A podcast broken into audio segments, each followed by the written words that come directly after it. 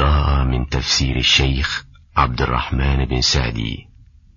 تيسير الكريم الرحمن في تفسير كلام المنان. تقديم الشيخ محمد العرفج. أعوذ بالله من الشيطان الرجيم.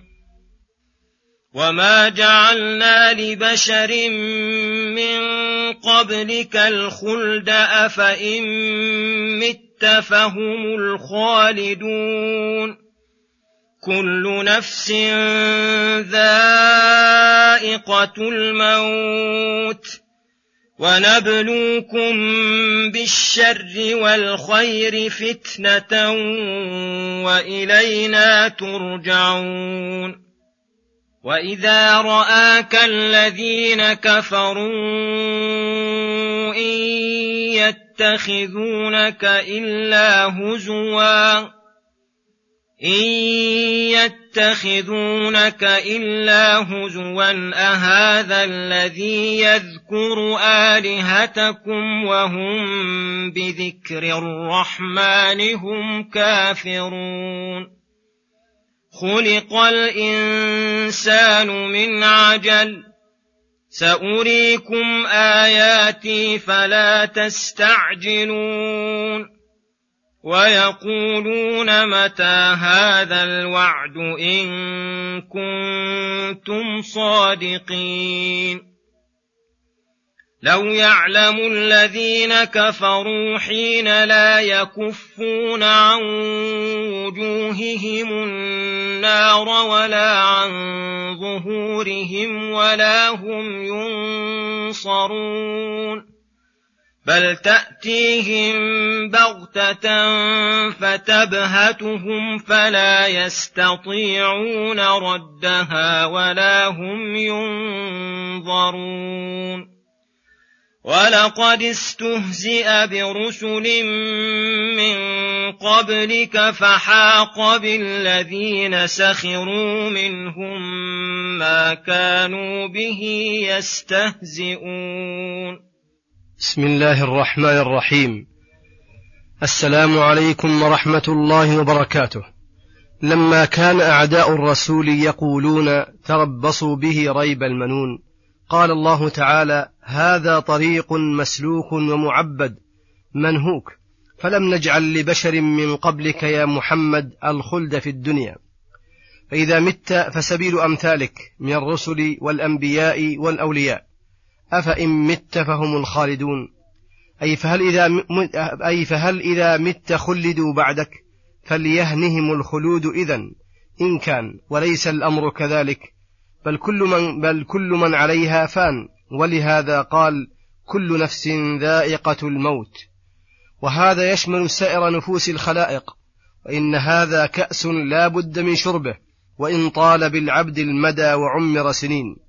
ولكن الله تعالى أوجد عباده في الدنيا وأمرهم ونهاهم وابتلاهم بالخير والشر وبالغنى والفقر والعز والذل والحياة والموت فتنة, فتنة منه تعالى ليبلوهم أيهم أحسن عملا. ومن يفتتن عند مواقع الفتن ومن ينجو ثم إلينا ترجعون فنجازيكم بأعمالكم. إن خيرا فخير وإن شرا فشر. وما ربك بظلام للعبيد. وهذه الآية تدل على بطلان قول من يقول ببقاء الخضر وأنه مخلد في الدنيا. فهو قول لا دليل عليه ومناقض للأدلة الشرعية. ثم يقول سبحانه وإذا رآك الذين كفروا إن يتخذونك إلا هزوا وهذا من شدة كفرهم. فإن المشركين إذا رأوا رسول الله صلى الله عليه وسلم استهزأوا به وقالوا هذا الذي يذكر آلهتكم أي هذا المحتقر بزعمهم الذي يسب آلهتكم ويذمها ويقع فيها أي فلا تبالوا به ولا تحتفلوا به. هذا استهزاؤهم واحتقارهم له بما هو من كماله فإنه الأكمل الأفضل الذي من فضائله ومكارمه. إخلاص العبادة لله وذم كل ما يعبد من دونه وتنقصه وذكر محله ومكانته. ولكن محل الازدراء واستهزاء هؤلاء الكفار الذين جمعوا كل خلق ذميم.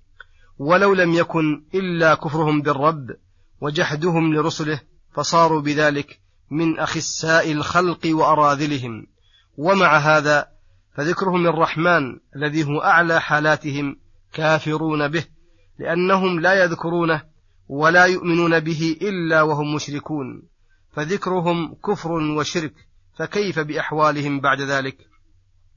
ولهذا قال وهم بذكر الرحمن هم كافرون وفي ذكر اسمه الرحمن هنا بيان لقباحة حالهم وأنهم كيف قابل الرحمن مسدي النعم كلها.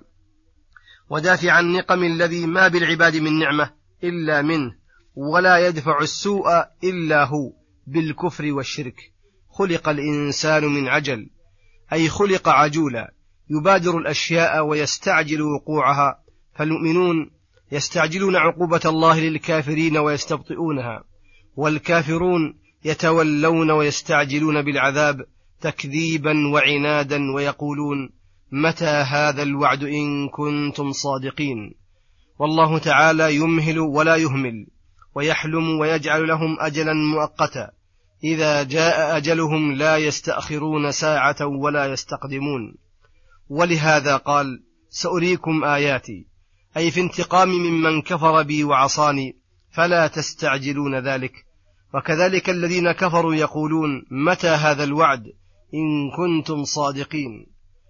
قالوا هذا القول اغترارا ولم يحق ولما يحق عليهم العقاب وينزل بهم العذاب.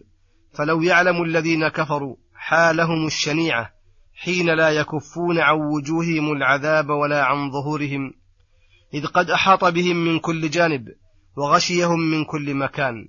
وهم لا ينصرون أي لا ينصرهم غيرهم فلا نصروا ولا انتصروا. بل تأتيهم النار بغتة فتبهتهم من الانزعاج والذعر والخوف العظيم فلا يستطيعون ردها إذ هم أذل وأضعف من ذلك. ولا هم ينظرون أي يمهلون فيؤخر عنهم العذاب. فلو علموا هذه الحالة حق المعرفة لما استعجلوا بالعذاب ولخافوه أشد الخوف. ولكن لما ترحل عنهم هذا العلم قالوا ما قالوا. ولما ذكر استهزاءهم برسوله بقولهم أهذا الذي يذكر آلهتكم؟ سلاه بأن هذا دأب الأمم السالفة مع رسلهم فقال ولقد استهزئ برسل من قبلك فحاق بالذين سخروا منهم. أي نزل بهم ما كانوا به يستهزئون. أي نزل بهم العذاب وتقطعت عنهم الأسباب. فليحذر هؤلاء أن يصيبهم ما أصاب أولئك المكذبين وصلى الله وسلم على نبينا محمد وعلى آله وصحبه أجمعين. وإلى الحلقة القادمة غدا إن شاء الله. والسلام عليكم ورحمة الله وبركاته.